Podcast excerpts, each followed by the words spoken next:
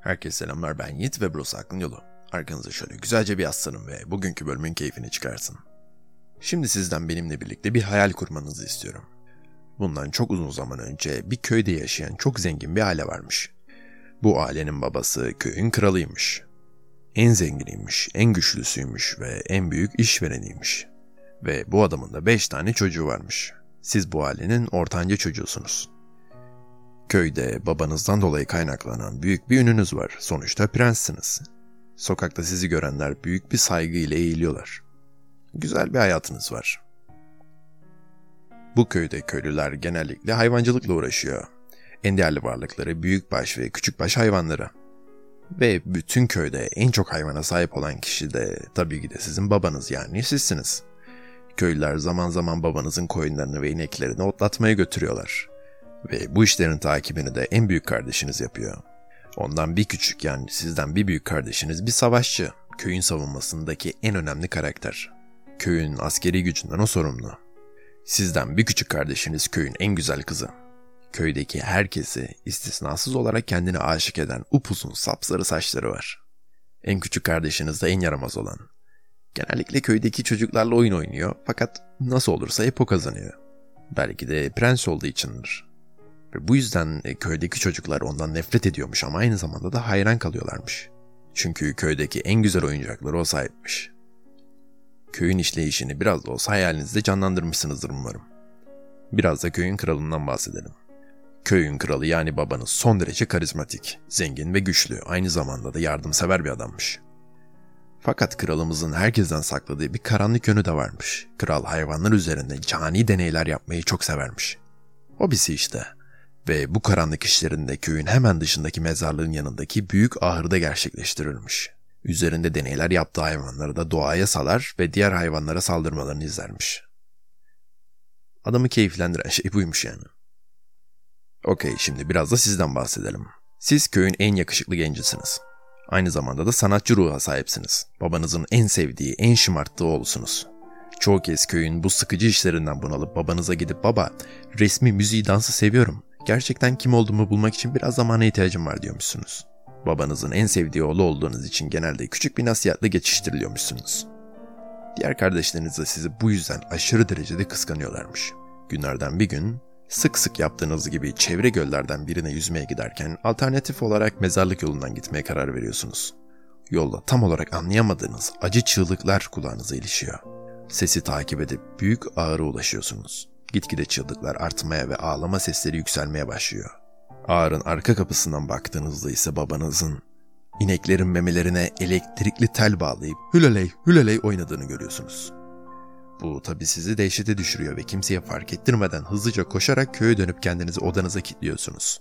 Ve gördüğünüz şeyleri unutmak için de kendi yaptığınız açık şaraptan demleniyorsunuz. Olayın üzerinden biraz süre geçtikten sonra gördükleriniz ve babanızın herkese gösterdiği saati tarafından, iyi tarafından aşırı derecede rahatsız oluyorsunuz ve bu konu hakkında bir şey yapmaya karar veriyorsunuz. Tüm cesaretinizi toplayıp babanızın genelde zamanını geçirdiği köy meclisine varıyorsunuz.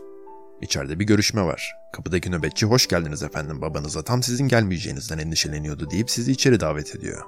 Büyük kapıdan girdiğinizde babanızın yanına oturmuş dört kardeşiniz ve bir tane boş yer görüyorsunuz. Ardından kendinizi birden köy konseyinde buluyorsunuz. Babanız ayağa kalkıp Lucifer oğlum biz de senin gelmeyeceğinden endişeleniyorduk. Gel şöyle yanıma otur diyor. Kardeşlerinizin ayıplayıcı bakışları arasında şaşkınlıkla yerinizi alıyorsunuz ve toplantı başlıyor. Köylülerden en çok sözü geçen ve en yaşlı olanı köyün sıkıntılarını krala aktarıyor. Sayın kralım, ineklerin sıralı hareketlerini tespit ettik. Aynı zamanda da koyunlarda sürekli birbirlerine saldırıyorlar. Çoğunlukla birbirlerini öldürüp yiyorlar. Süt sağmayız. Tavuklardan bahsetmeyeyim bile. Tüm gün kümeslerle kimseyle açmıyorlar. Bunu duyan kral çok şaşırmış gibi gözüküyor. Hemen bir takım toplayıp bu işin araştırılmasını talep ediyor. Fakat bu iki yüzlüğe daha fazla dayanamayıp ayağa kalkıyorsunuz. Babanızın tam karşısına geçip gözlerinin içine bakarak herkesin duyabileceği şekilde o gün ağırda gördüğünüz şeyleri bağıra bağıra anlatıyorsunuz. Herkes şok. Ama baba sakin. Kral savaşçı oğlundan meclisteki tüm köylüleri sıra sıra öldürmesini rica ediyor. Bu olayı kimse bilmemeli. Kral ne derse olur sonuçta. Savaşçı olan istemeyerek de olsa tüm meclisi kılıçtan geçiriyor. Ardından kral size dönüyor ve kılıcıyla hiç unutamayacağınız bir yara bırakıyor yüzünüzde. sizi bu küstahlığınız yüzünden köyden sürdürüyor.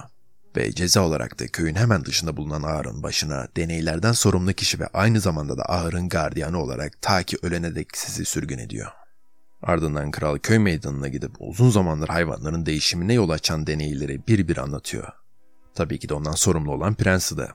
Köylüler prensimizden nefret ediyor hale geliyorlar. Ona küfürler ve hakaretler yağdırıyorlar.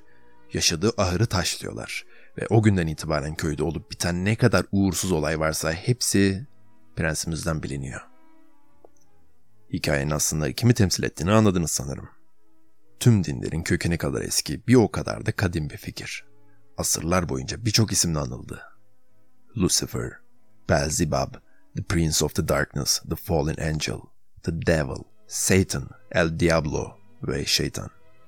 Tarihte bilinen en büyük günah keçisi. Tanrı'nın evrende olup biten bütün güzel şeyleri temsil edebilmesi için insanların oluşturması gereken bir varlık var. Çünkü eğer kötülükleri temsil eden bir şeytan olmasaydı tüm kötülüklerin sebebi de Tanrı olurdu. Ki bu da Tanrılığın tanımına tamamen ters bir durum.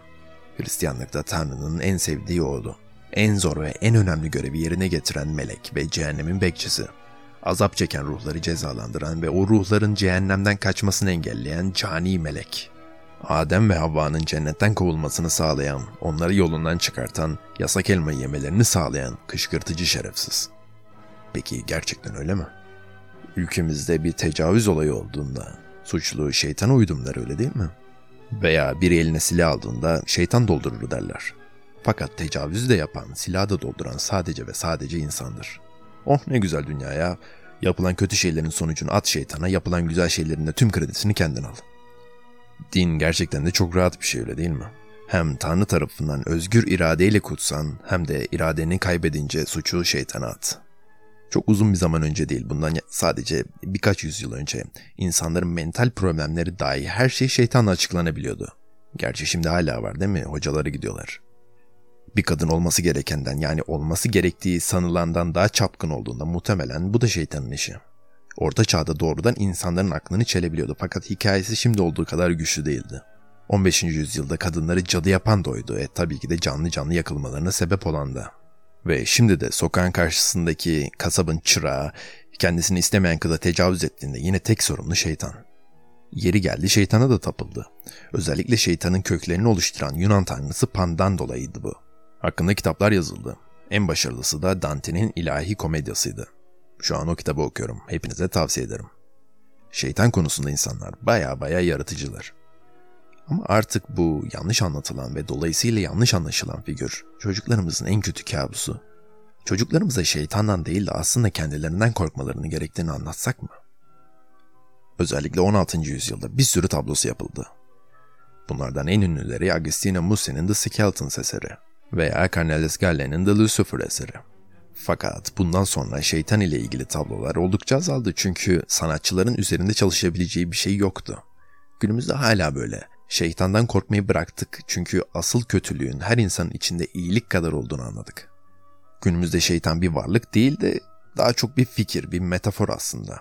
Çizgi filmlerde mesela bir omuzda melek iyi kararlar verdirirken diğer omuzda şeytan karakterin aslında gerçekten ne istediğini, ne yapmak istediğini söyler öyle değil mi? Mesela karakterimiz birine yumruk atmayı çok çok çok ama çok istiyordur. Hemen bir omuzda şeytan belirir ve at o yumruğu der. Diğer omuzda da melek çıkar. Hayır atma der.